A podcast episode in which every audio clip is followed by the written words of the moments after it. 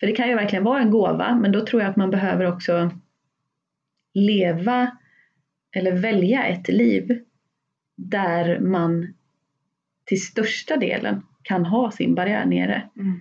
snarare än tvärtom.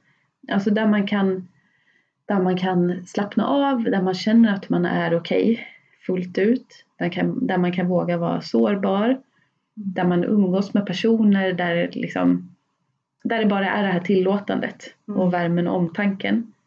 Då får man ju möjlighet att plocka fram och se alla de här fördelarna på ett annat sätt.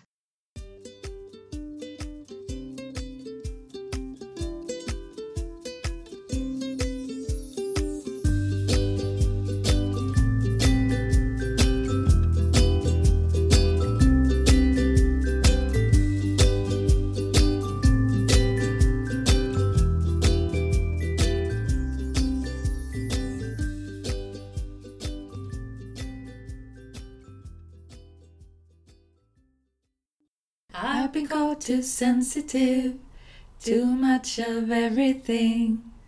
But the truth of the matter is that this is my gift, and when flowing in my brilliance, I'm tuned in, tapped in, turned on, and I feel it all, I feel it all, I feel it all, I feel it all. Idag är vi tillbaka fast utan en gäst. För idag tänkte vi att vi ska prata lite om det här med fördelarna med att vara högkänslig. Mm. Kanske både fördelar och nackdelar men, men synliggöra lite mer fördelar Mm. kan man väl säga. Mm. Och det är ju för att vi har, vi har träffat ganska många, många människor nu sista månaden. Både på eh, vårt andra retreat som vi hade eh, och sen har jag träffat människor i andra sammanhang. Högkänsliga människor som också har, har varit ganska frustrerade på det här Mm. med högkänsligheten. Eller hur? Och det är något som ganska ofta kommer upp i vägledningssamtal också. Mm. Mycket av det här, jag orkar inte känna så mycket hela tiden, jag orkar inte vara så känslig. Att man kan verkligen känna att så här, varför ska jag behöva ha det så här? Mm. Varför ska jag behöva vara så här känslig? Ja men precis. Vi hade ju speciellt en, men några stycken deltagare på retreatet som knappt kunde se en enda fördel Mm. med att vara högkänslig. Just nu så, så tyckte hon, eller de, att det var väldigt, väldigt jobbigt Mm. att vara högkänslig. Hon tyckte att det kändes orättvist. Hon, var, hon hade fastnat lite i det här med känslan av att, av att det nästan bara är tungt att vara Mm. högkänslig. Jag kan känna igen mig i det. Eller hur, jag skulle precis säga, det kan vi Ja. verkligen relatera till tror jag, både du och jag. Ja. Vi har ju verkligen känt så båda två. Ja, men verkligen. Och stora delar av min uppväxt så... Ja, men som sagt, som jag har berättat i, i ett tidigare avsnitt också, så hade jag ju en väldigt, väldigt känslig kropp. Och kände av hela tiden olika signaler och saker som hände i kroppen och sånt. Och även sen när jag blev vuxen. Både det här känna av så mycket i kroppen och sen påverkas så mycket av alla andra människor och sånt. Jag tyckte det var skitjobbigt. Mm. Och jag vet att jag sa någon gång till min man att jag skulle betala hur mycket pengar som helst för att kunna vrida ner min, min känslighet. Mm. Just då bara kände jag att det, det är för mycket, jag orkar inte. Men som tur var så har ju det där ändrats. Nu ser jag ju nästan bara fördelarna med att vara högkänslig. Mm. Så det går ju verkligen att förändras. Och vad är det som du ser som dina största fördelar nu då, med högkänsligheten? Nej men det är ju just alla de sakerna som jag tyckte var jobbiga förut. De har jag ju på något sätt kunnat vända till styrkor nu. Och till min fördel. Alltså både det här med, med att ha samtal. Alltså bara kunna känna in personen så tydligt som man sitter, sitter liksom framför och har samtalet med. Känna in små, nästan obetydliga nyanser i kroppsspråk, i tonläge, i, i ord. Alltså jag kan ju snappa upp så otroligt mycket som är mellan raderna. Mm. Och det var samma sak igår. Så träffade jag en tjej som jag har känt väldigt länge. Och eh, vi har smsat lite fram och tillbaka nu också under den senaste veckan ungefär. Och jag kände så tydligt redan i smsen att hon inte riktigt var okej. Mm-hmm. Jag vet inte vad eller hur eller sådär, hur jag kunde veta det. Men jag bara kände det. Och så när jag träffade henne igår så frågade jag Hur mår du idag? Och hennes svar var bra. Jag mår bra. Men jag bara kände så här, nej det stämmer inte. Och sen så pratade vi lite längre. Och eh, ja, jag vet inte hur det gick till men helt plötsligt så började hon gråta. Mhm. Och så kom det ju fram att hon, hon mår ju inte alls särskilt bra just nu. Nej. Hon gör ju inte det. Hon känner sig stressad och hon har inte alls fått den egen tiden som hon behöver på sista tiden. Känner sig ganska splittrad. Och det snappade jag upp liksom, redan i smsen. Mm. Så jag tror att både som vän och som vägledare eller coach eller vad man nu ska säga och ja, men träffa människor överlag så tror jag att jag verkligen har det som, som fördel. Mm. Och det här med att jag känner väldigt mycket i kroppen och så. Det kan jag ju verkligen dra nytta av nu när jag har massage. Alltså när jag masserar andra människor så kan ju jag, känner ju jag väldigt, väldigt tydligt vart de har spänningar, vart det sitter låsningar eh, och kan liksom känna nästan i mig själv hur det känns på dem. Mm. Eh, och det, ja, Häftigt. där har jag verkligen det som fördel att vara Mm. högkänslig. Du då? Ja, men jag har ju haft mycket, mycket känslor genom barndomen av att liksom inte passa in eller att jag har känt mig fel och udda liksom. Att det har varit något fel på mig typ. Och jag har ju känt av mycket saker och jag har ju trott att allting har varit rädslor och att det har handlat om mig och mitt och att jag har varit svag och eh, ja men en väldigt liksom orolig och nojig person typ. Det har ju varit mitt främsta. Jag har inte haft på samma sätt den här känsliga kroppen som du har, alltså fysiskt. Eh, utan mer liksom orostankar, katastroftankar, eh, tvångstankar, allt det där som jag har kämpat med liksom genom min barndom och uppväxt.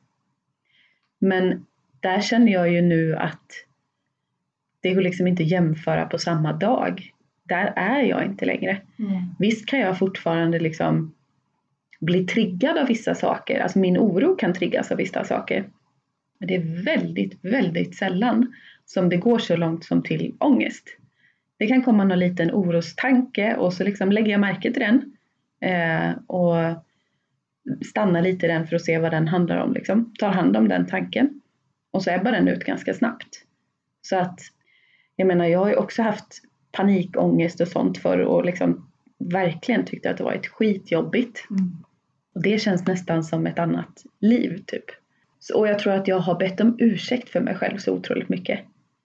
Och verkligen så här, ja men sagt till mig själv att jag inte har varit okej. Så Mm. det har varit min egna stämpel på mig själv att jag är inte okej.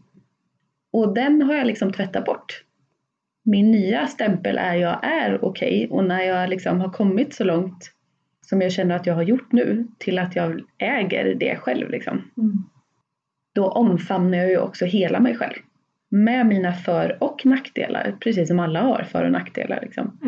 Så då, då är hela jag okej. Mm. Även om jag ibland får någon orostanke, även om jag ibland blir hypokondrisk, även om det någon gång skulle komma någon liten tvångstanke förbifarande så är jag fortfarande okej. Mm. Och det gör ju att, att hela livet, alltså hela, hela livet i att vara mig själv blir ju mycket härligare. Mm. Därför att jag, jag vågar leva mitt liv fullt ut. Och jag tror att det är där en jättestor del av det här med att faktiskt må bra i sig själv som högkänslig ligger i just det här. Mm. Alltså att faktiskt våga vara sig själv fullt ut och verkligen ha den här självmedkänslan och säga att jag är okej. Även när jag inte mår bra, när jag inte har det bra, så är jag fortfarande okej. liksom. Ja, precis. Man inte värderar lika mycket. Nej. Nej, men det var det jag skulle säga också. Deltagarna eh, som jag utbildade igår i stresshantering och mindfulness och sånt. Där pratade jag ju, och det gör jag alltid i mina föreläsningar och det gör vi på våra kurser och allting, och konstatera istället för att värdera. Mm. Att saker behöver inte vara rätt eller fel eller bra eller dåligt eller fint eller fult Mm. eller så utan det bara är. Och jag tror att det är så det är så man behöver göra eh, även med, med det här med högkänsligheten. Liksom. Mm. Och egenskaperna där i. Att det är inte rätt eller fel, bra eller dåligt. Mm. För det beror på sammanhanget. Det beror på människorna och det beror på hur man mår i sig själv. Mm. Så känsligheten är ju superbra i vissa situationer Mm. och jättejobbigt i andra situationer. Men jag tror att det handlar väldigt mycket om att försöka gå till människor där det känns lätt att vara. Försöka hitta ett jobb där det känns lätt att vara en själv. Och jag Den- tror att det är det som hemligheten också ligger lite i. Eller vad säger du? Vad tror du? Ja men det tror jag också. Både dels det här med att följa sin inre lätthet. Mm. Sin inre kompass av vart, vart ska jag gå, i vilka sammanhang ska jag vara? Mm. Eh, vad är min riktning? Där jag kan känna mig liksom, att jag trivs i mig själv, att det känns bra att vara jag. Att jag inte behöver be om ursäkt eller liksom, trycka undan delar av mig själv för att passa in, utan där jag på riktigt kan få vara bara jag. Mm. Så att dels tror jag det, följa den känslan av vart det fanns, faktiskt känns lätt. Ja. Där det inte är det här motståndet. För jag tror jätteofta så trycker vi undan så mycket grejer. Alltså som högkänslig är man ju medveten om väldigt, väldigt mycket. Mm. Om både vad som pågår inom en själv och tankar och känslor och allt vad det är. Men också vad som pågår runt omkring en. Mm. Och ibland så tror jag vi försöker stänga av den här medvetenheten för att vi inbillar att vi ska passa in bättre då i sammanhang, liksom, olika sammanhang eller med vissa personer. Att säga, ja ja, men jag lyssnar inte på det där nu eller oh, det här, här är något som pockar på liksom en, en, här är en varningsflagga för mig. Men skit i det, jag trycker undan den nu för alla andra verkar trivas här liksom, eller vad det nu handlar om. Mm.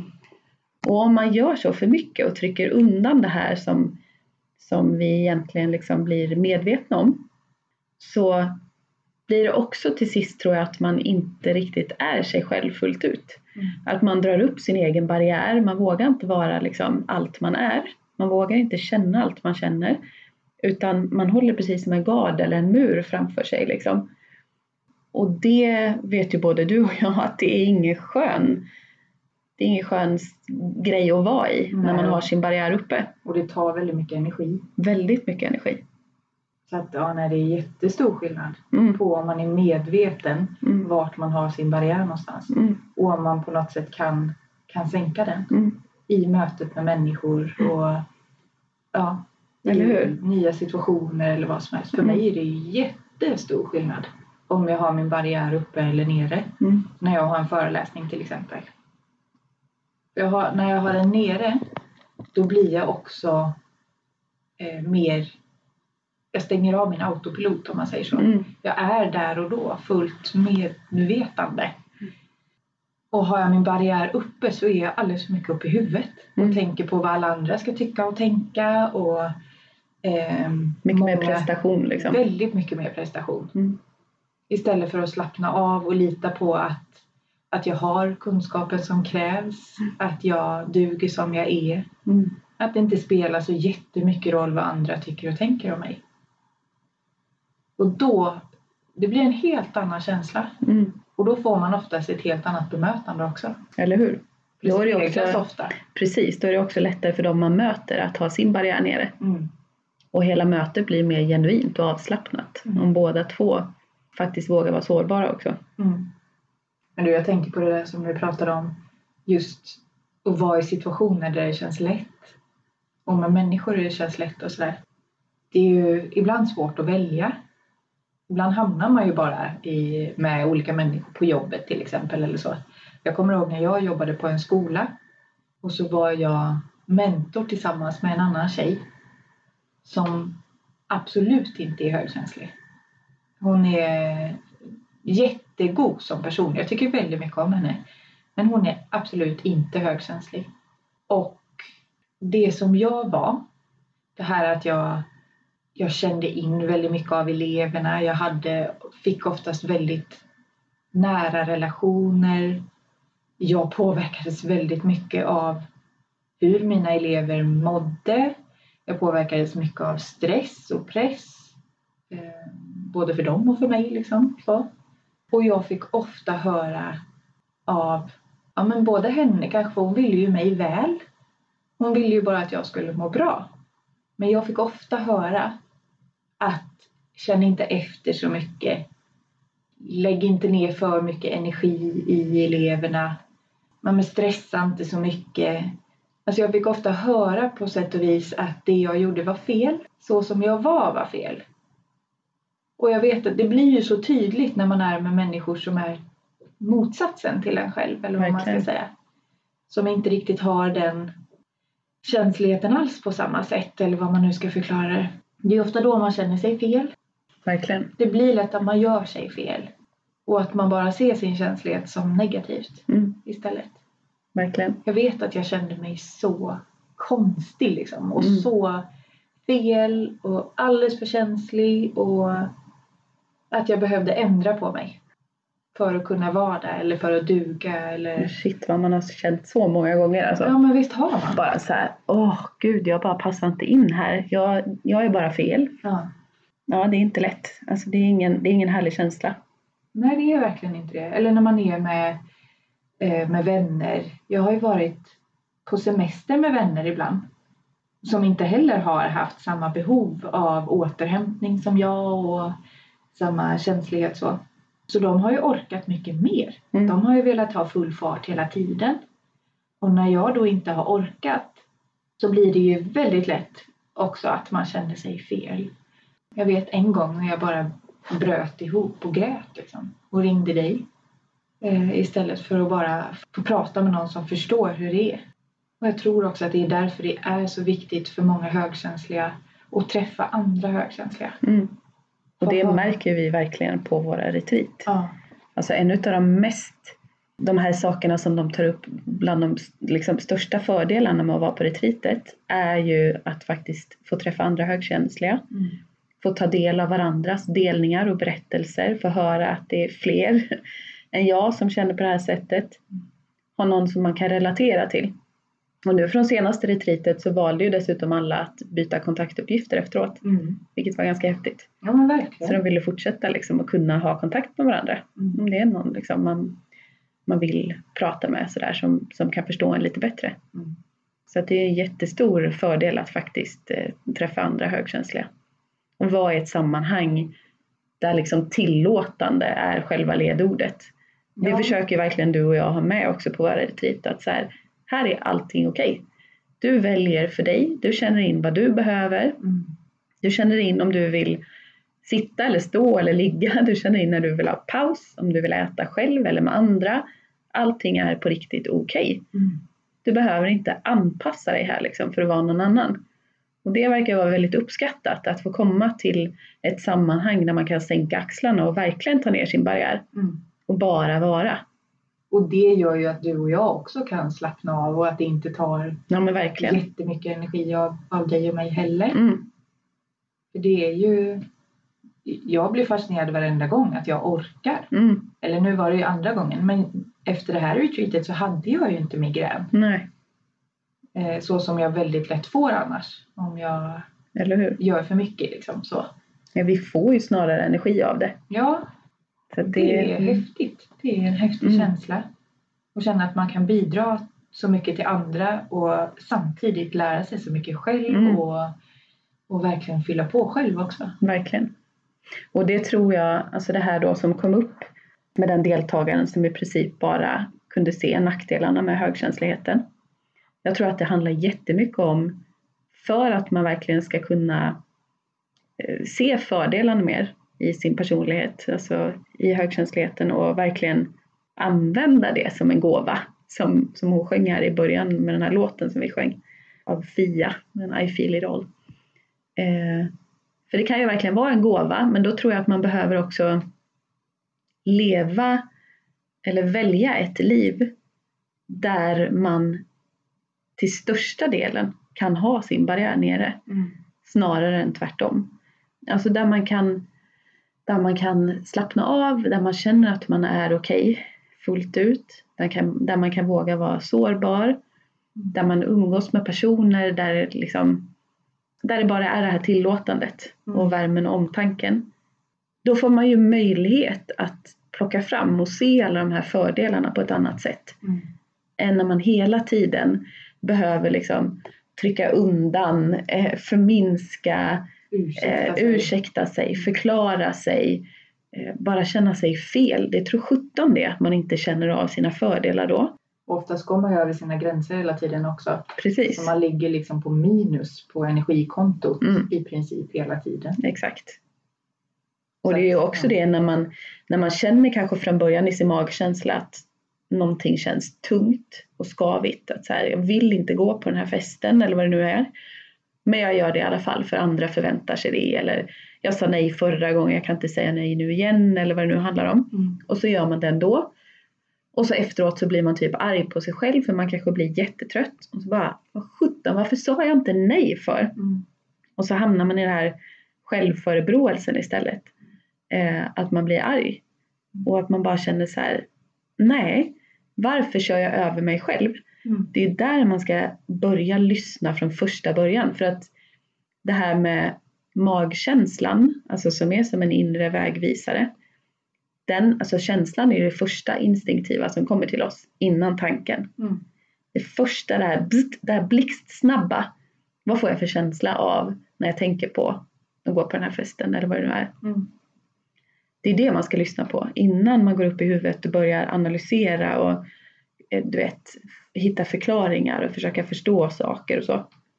För att det, då blir det bara det här tanketrasslet. Mm. Så ju mer man kan lyssna på den där första instinktiva känslan av vad som känns lätt eller tungt, desto mer går man åt den riktningen som man kanske egentligen längtar efter Mm. i sitt liv.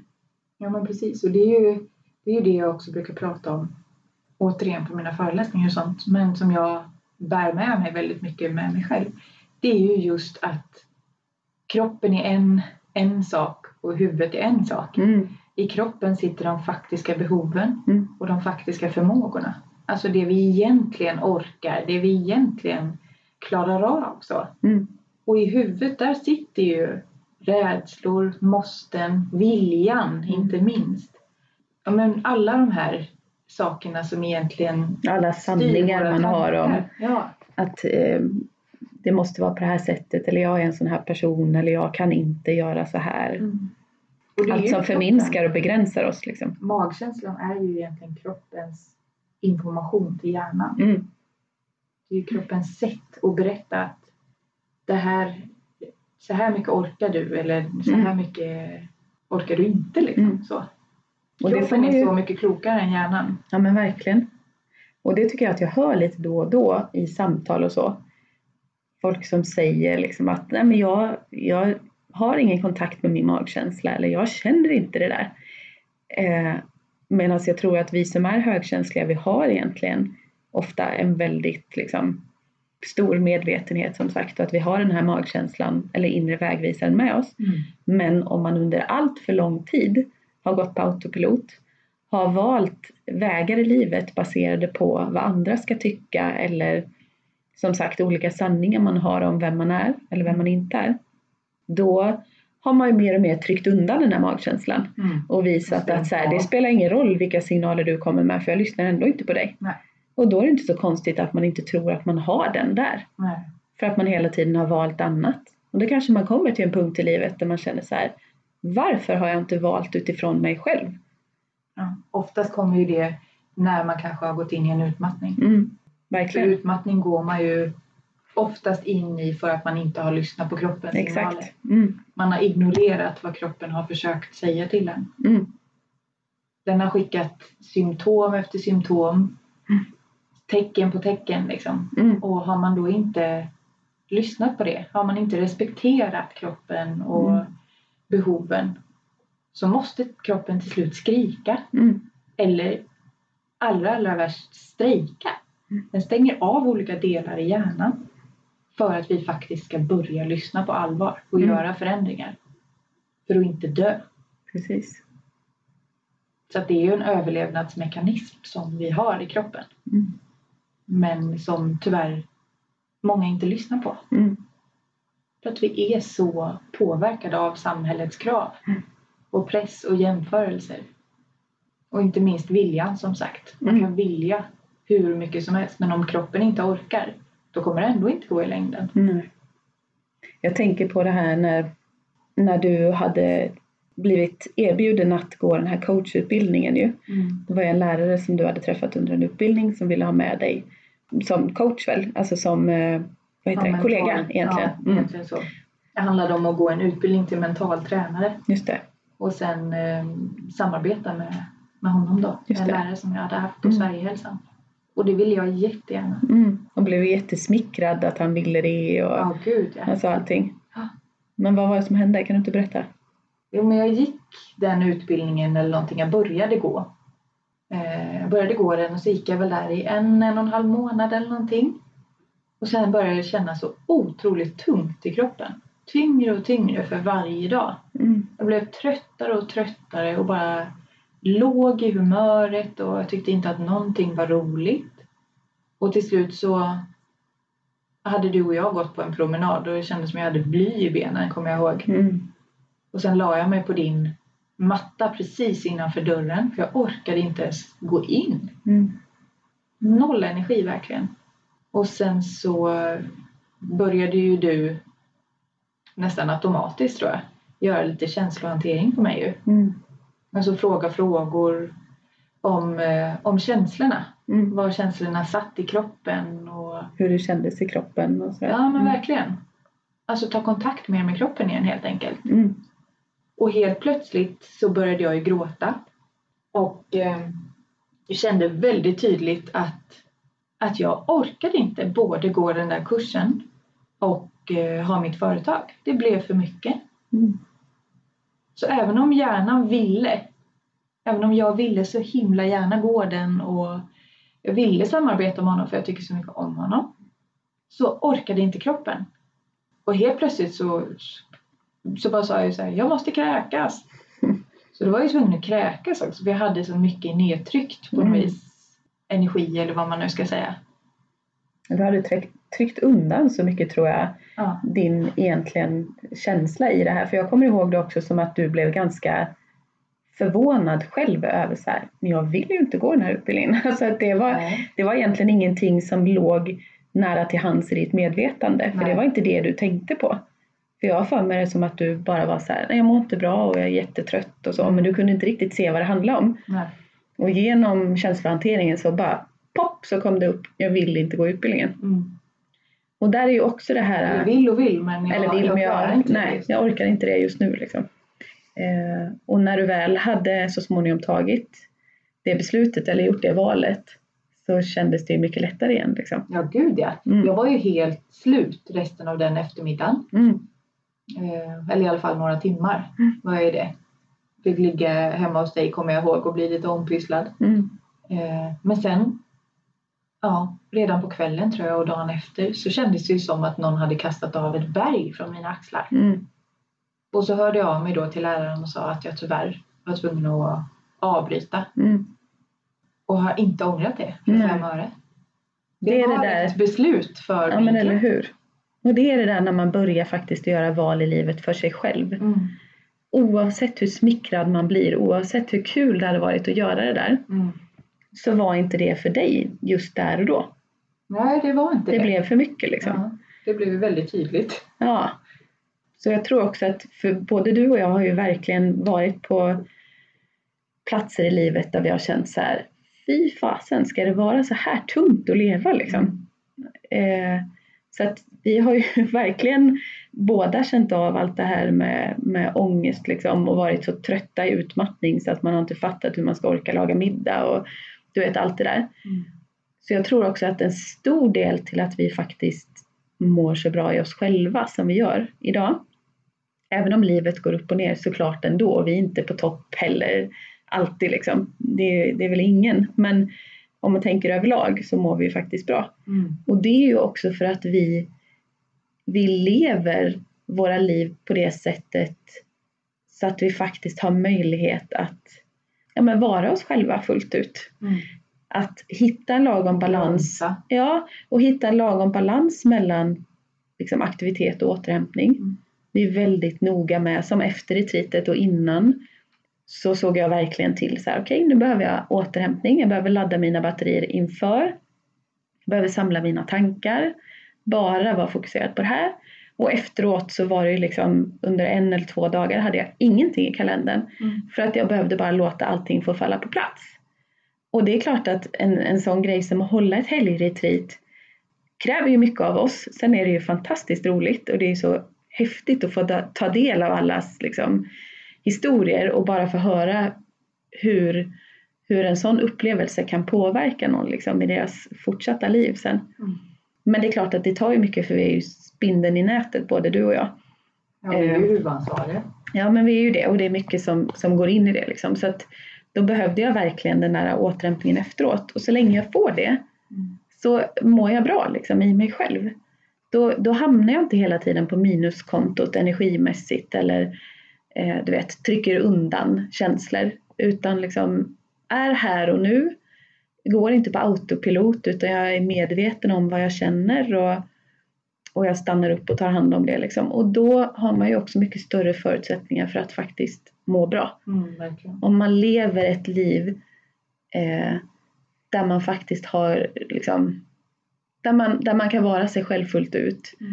Där man kan få också faktiskt känna av att högkänsligheten kan vara en gåva. Mm. Då har vi ju liksom alla förutsättningar som högkänsliga att liksom vara minst lika lyckliga och glada som vem som helst som inte är högkänslig också. Ja, men man märkte ju så tydligt på dig till exempel när du började leva efter vad du mår bra av. Mm. Då blommade ju du.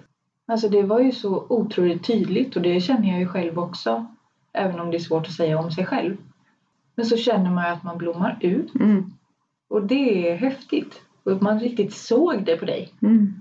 Man såg det i ögonen och man såg det på hela energin och på ja, men hur du behandlar dig själv. Liksom. Mm.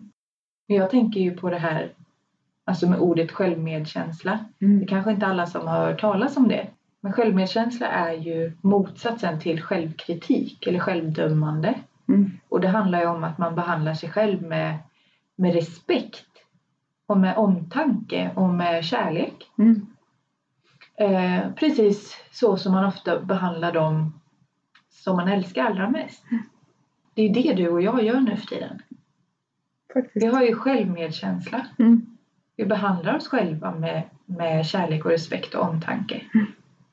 Vi har respekt för våra behov liksom. Mm. Och vi tar hand om oss själva. Och också när vi märker att nu behöver jag ta en paus eller det här blev för mycket för mig eller vad det nu är. Mm. Så trycker vi inte ner oss själva för det. Nej. Fy fasen vad dåliga jag är som inte orkar det här. Och alla andra verkar klara. Utan bara så här, okej.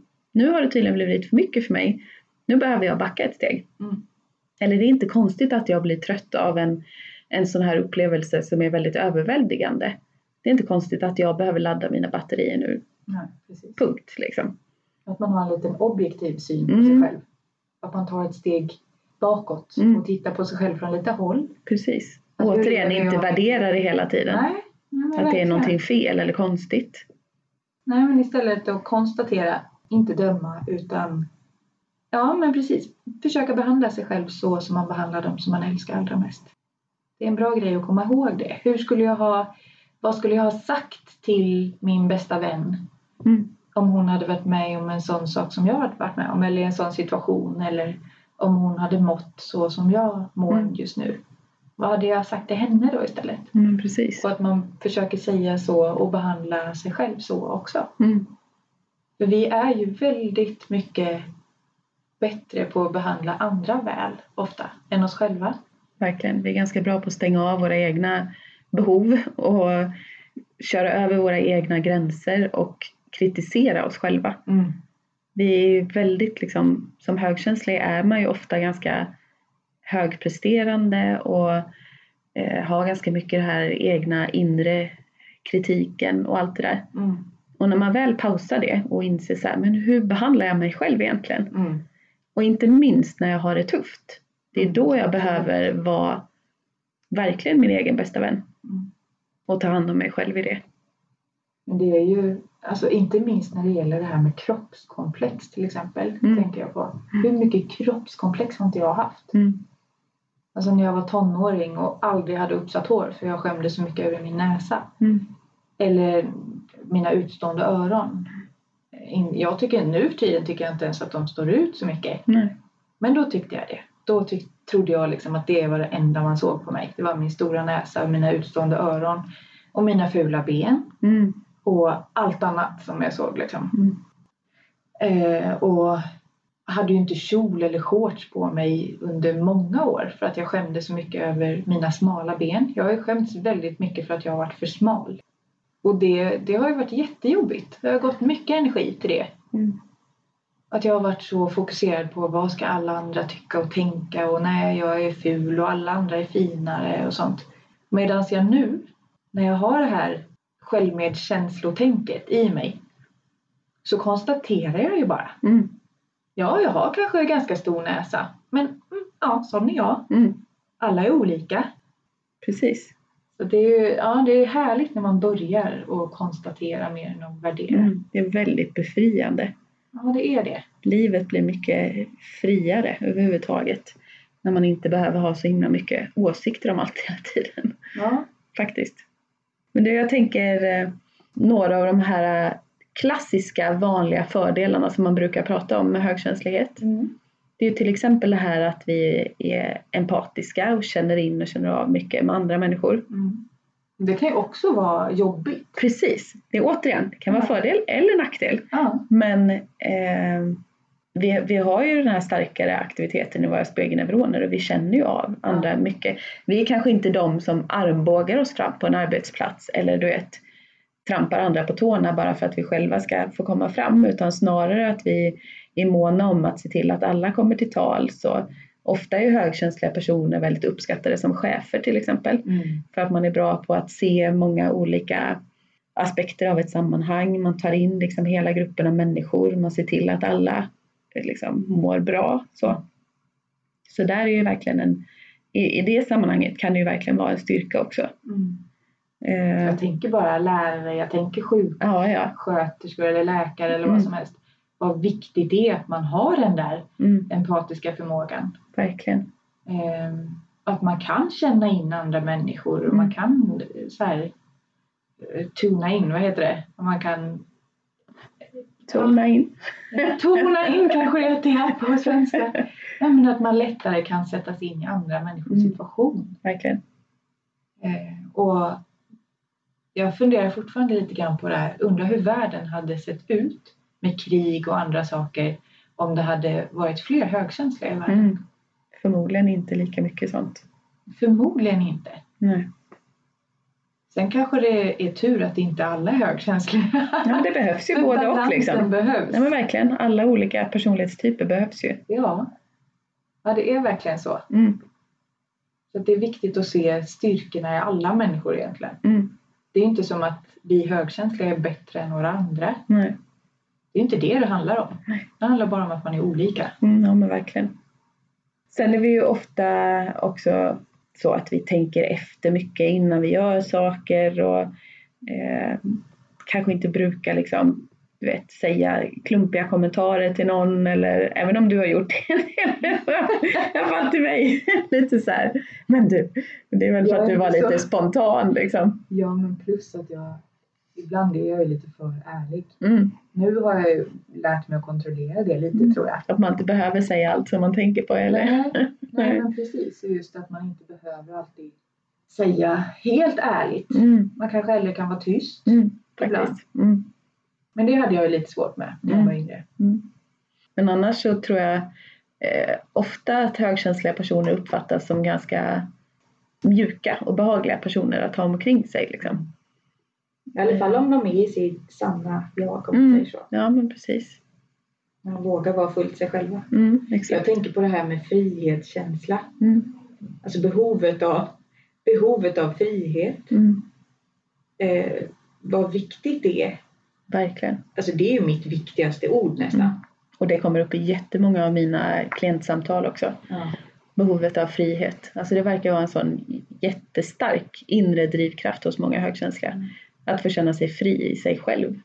Och jag Och i sitt liv. jag, jag tycker att det är så viktigt att ge det till andra också. Mm, Och det här med kreativa, exakt. det är också en jättefördel Mm. egentligen hos högkänsliga. Mm, att man ofta Men det kan ju bli superjobbigt om man blir understimulerad.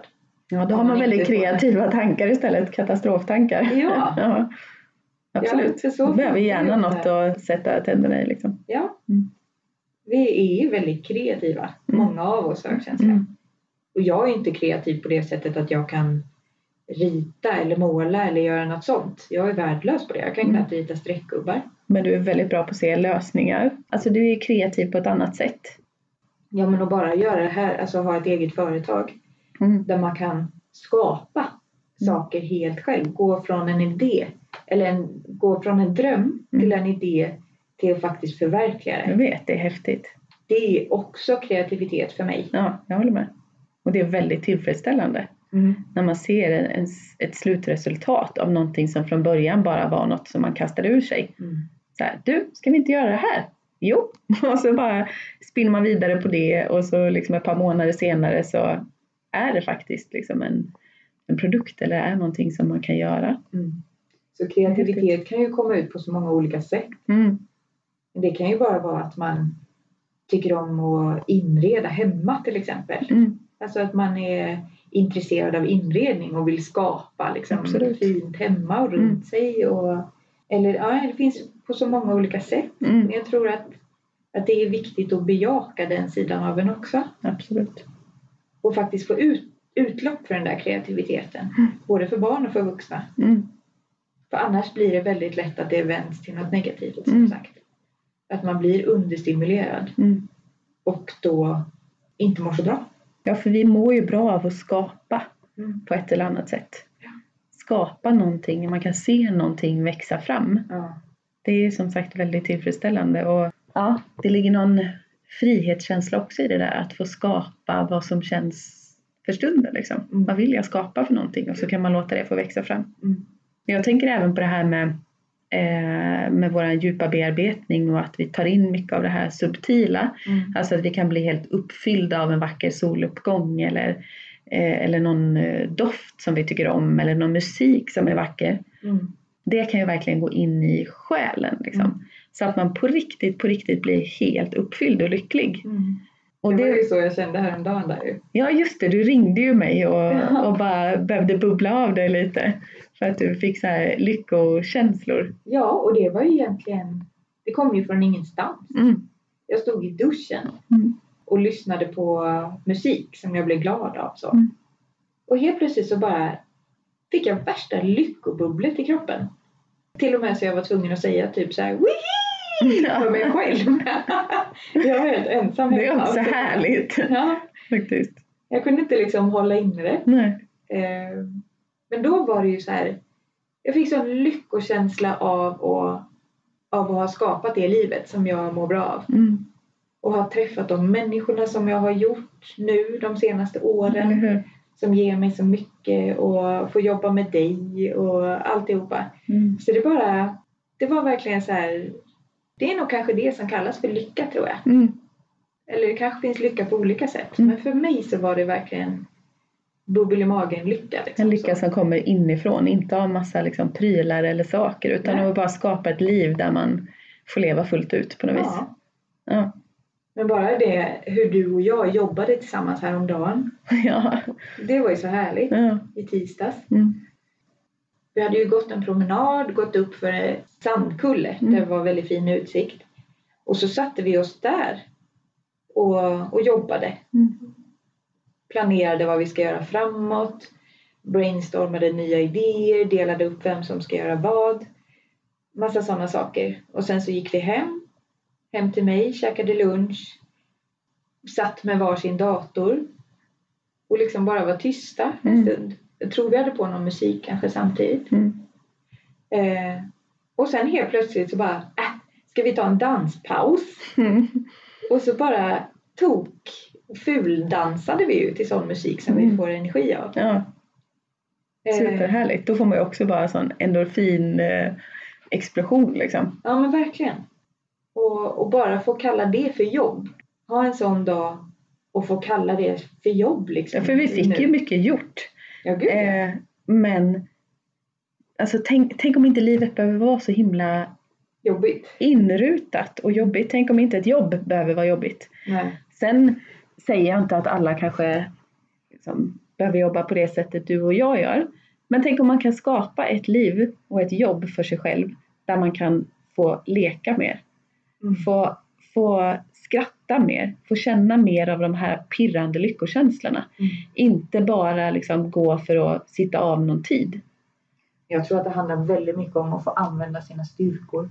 Alltså få jobba med det som man faktiskt är bra på och Mm. tycker är kul. Då tror jag att det, den, där, den här gränsen mellan jobb och fritid suddas ut lite. Mm, Att det känns lättare liksom överhuvudtaget. mm, Och det är väl där vi har hamnat nu. mm. Och det, det får man ju bara vara tacksam för. För vi vet ju som sagt hur det känns med motsatsen.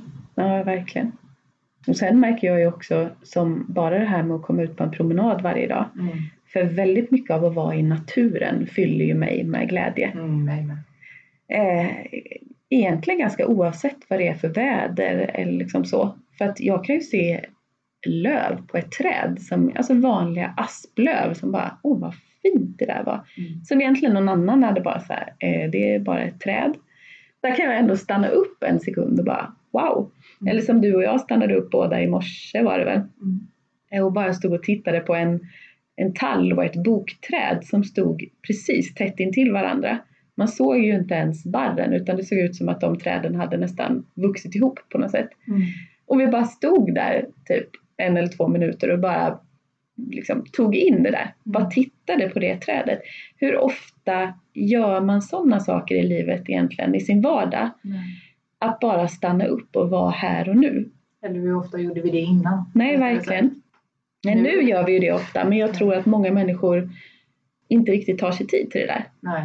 Att om man går promenad, då kanske man alltid går promenad med en kompis eller man lyssnar alltid på musik eller du vet, det är någonting annat som här, fyller en med intryck hela tiden. Eller man går för att träna. Ja, men exakt. bara- Bara, powerwalk typ. Ja. Men det var som jag gick förbi en, en eh, någon stor grön buske så här, i grannens trädgård i morse.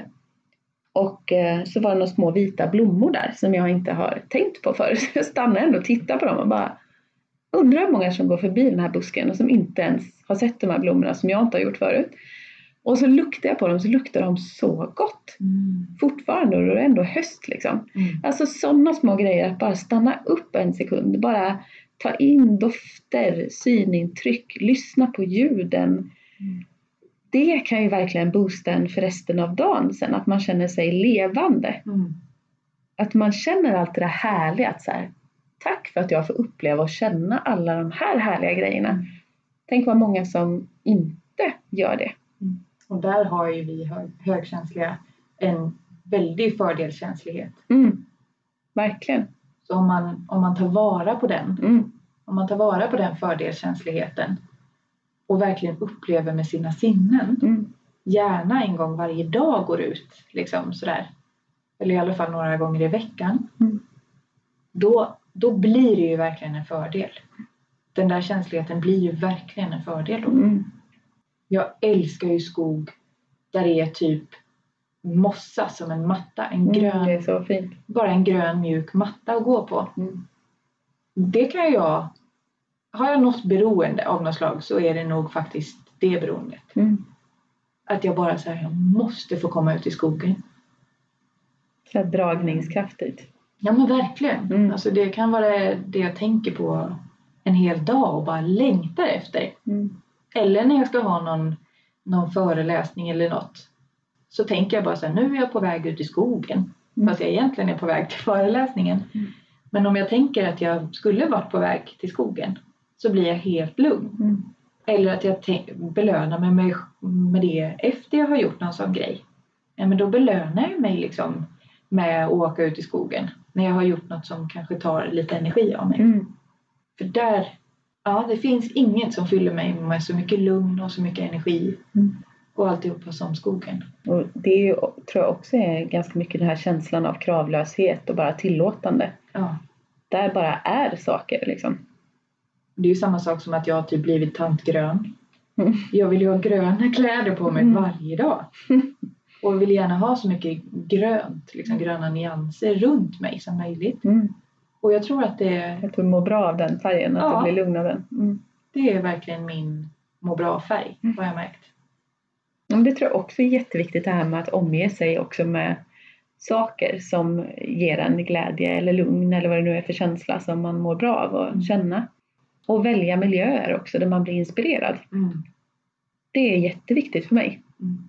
Alltså om jag är på en plats eller i en miljö där det är väldigt stökigt eller obalans eller fult Mm. så blir jag väldigt, väldigt oinspirerad. Fult enligt dig. Ja men precis. säga, Ja. tycker olika. Ja. Och, och det så kan ju låta värderande i sig men alltså där jag bara känner så här, här känns det inte kul att vara. Nej. Det här var inte roligt. Eh, Då vill jag ju hellre välja en miljö där det är det här där det är mer de här känslorna av bara wow eller liksom lugn eller stillhet eller eh, skönhet eller vad det nu är. Så att jag tror också att ju mer man väljer miljöer där man blir inspirerad Mm. eh, desto, desto roligare blir ju allting Mm. egentligen. Ja men verkligen. Du vad säger du, ska vi ta och massera varandra snart då? Ja, Vi sitter ju här på mitt kontor mm, nu. I mina fåtöljer som jag precis. Tycker så mycket om. Och eh, så har jag en massagebänk här så nu ska vi belöna, belöna varandra lite grann. Ta hand om varandra genom att massera varandra Mm. helt enkelt. Så det blir härligt. Ja. Eh, men det hade varit jätteroligt att höra lite från er vad ni tycker fördelarna med högkänslighet är. Mm, Så kommentera gärna på något av våra Instagramkonton eller Facebookkonton eller vad som helst när vi har lagt ut om det här poddavsnittet. mm. Skriv gärna där under. Man kan ju även lämna en kommentar på Soundcloud till exempel, Ja, just det. eller podcaster. Men ni får jättegärna gå in och sätta betyg eller lämna någon kommentar Mm. också där ni hittar appen. Så är det lättare för fler att hitta den också sen. Ja. Eller dela eller sådär om ni vill. Om ni tycker om den. Mm. Då hade vi blivit glada. Och mitt eh, Instagramkonto heter ju tankar om högkänslighet. Och min hemsida heter också tankaromhögkänslighet.se fast utan prickarna. Och mitt eh, Instagram heter ju hållbar hälsa stresshantering. Och min hemsida heter ju hållbarhälsahalmstad.se. Mm. Krångligt och bra. Precis. Så att, eh, ja, nej men hör gärna av er med era tankar om det här med fördelarna med högkänslighet. För vi tror att det behöver komma ut och synas mer. Eh, Så att man inte bara pratar om vad som är tungt och jobbigt utan också om vad som faktiskt är underbart och härligt. Mm. Verkligen. Ta hand om er så länge nu. Vi ses och hörs en annan gång. Ha det så bra. Hej hej! Hej hej!